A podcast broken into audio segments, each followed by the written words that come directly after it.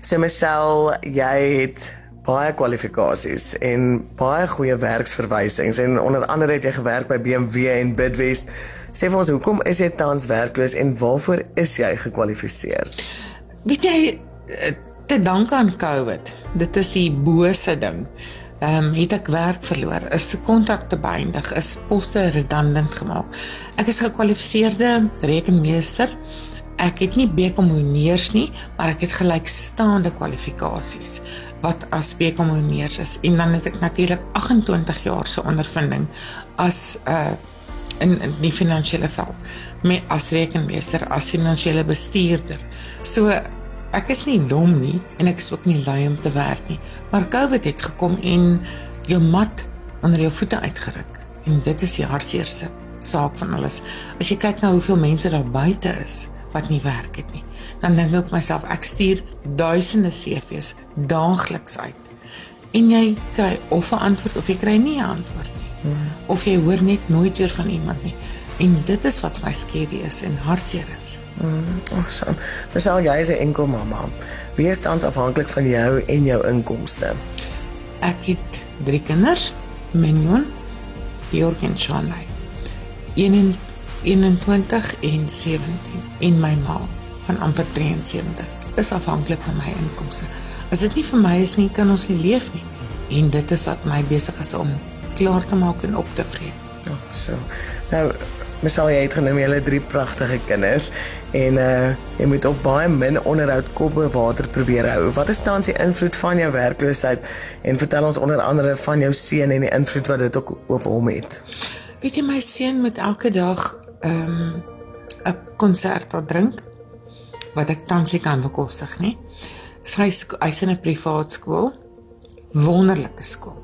Ek kan nie daai skoolgeld bybring weens my werkloosheid, weens die pappa wat nie bydra nie, weens die pappa wat nie eers omgee oor weet jy wat het julle brood môre, het julle melk, het julle water, het julle krag. Hy het basiese behoeftes. Ja. Basiese behoeftes. En hoekom is jou seun in 'n privaat skool? Want hy het 'n leerprobleem. Hy het um de, omdat die tweeling prematuur gebore is, het hy Shanley sy sussie het um sok oogies die korneels het um rugby vorm vormig um ontwikkel en dan het um hy het suurstof af was aan suurstof afhanklik so dit het vir hom ook um as jy die oomblik as hulle gebore word prematuur en hulle word op suurstof geplaas dan doen dit iets aan die brein dit dit vir daar's 'n 'n probleem wat dit veroorsaak hiperaktiwiteit aandag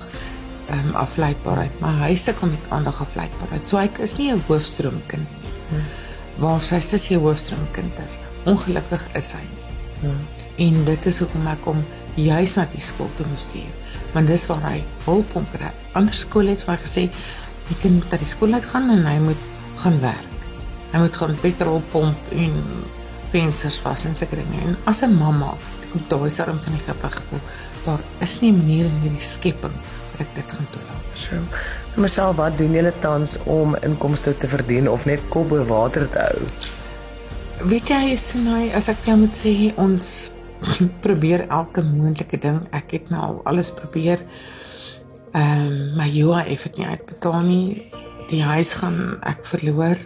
Ehm um, ons kry kos skenkings van die kerk af.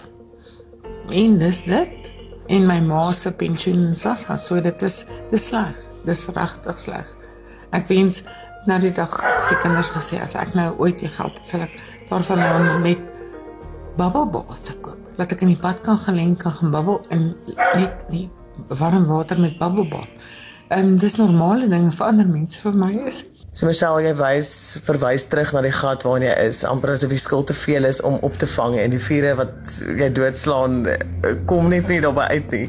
Wat is dan julle skuld? Ehm um... op die huis skuld ek meer as 70000.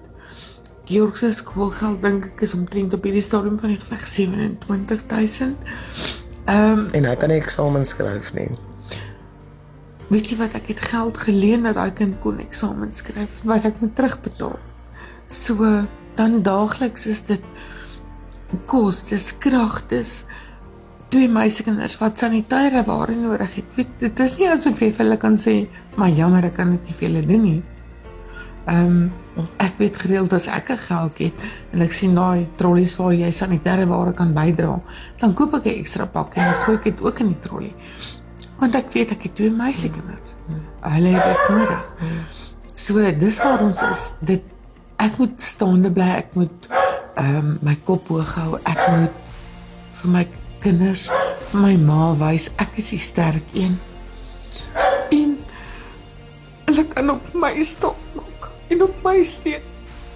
Want ek sien op hier en ek voel nie emosioneel klink ek haat dit Ronel weet ek haat dit om so te voel. Magteloos, weerloos. Waar is God het hy van my vergeet? Nee, hy het nie. Maar hoe lank moet ek nog teen hierdie toets? So. Sal jy dan gesê jou grootste droom is bubble bath? Wat is daar nog? Ag, dis net om Ek kan weet ek het warm water om in te kan bad en bubble bath te kan ingooi net daar te kan gaan lê en dit te kan geniet soos wat enige ek dink vrou ek kon nie eers oor pedicures en manicures en facials en sulke goed ek dink net om in 'n lekker bad water te lê met bubble bath ja, en die borrelbad word eintlik nou vir jou simbool van dit is nou oukei. Okay. Ja, dit is nou lekker. Moeder.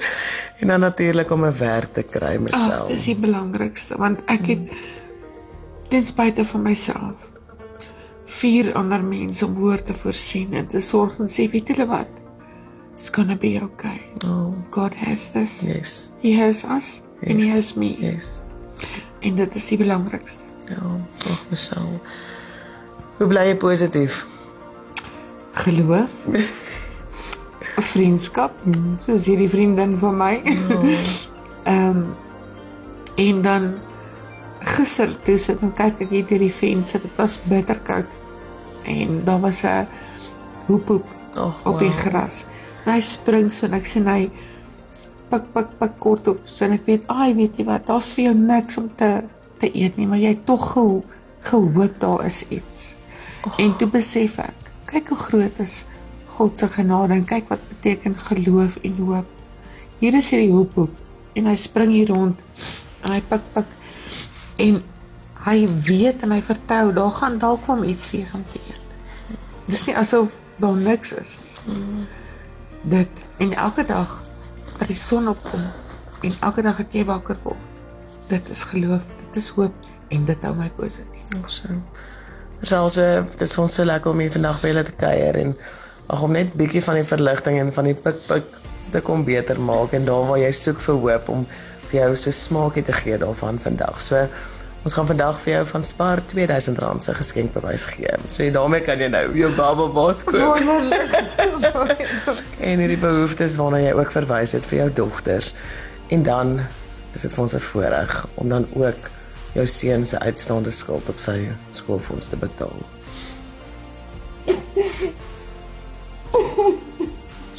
'n Woord wat vir ons uitgestaan het tydens die onderhoud was resilience. Ja, Michelle Nel is resilient. Toe ons die Afrikaans daarvoor soek, sien ons dis veerkragtigheid. Die woord was so betekenisvol op hierdie oomblik, veral na Michelle se metafoor oor die hoepoevoeltjie. Liewe Michelle, mag jy en jou kinders binnekort sorgloos vlieg.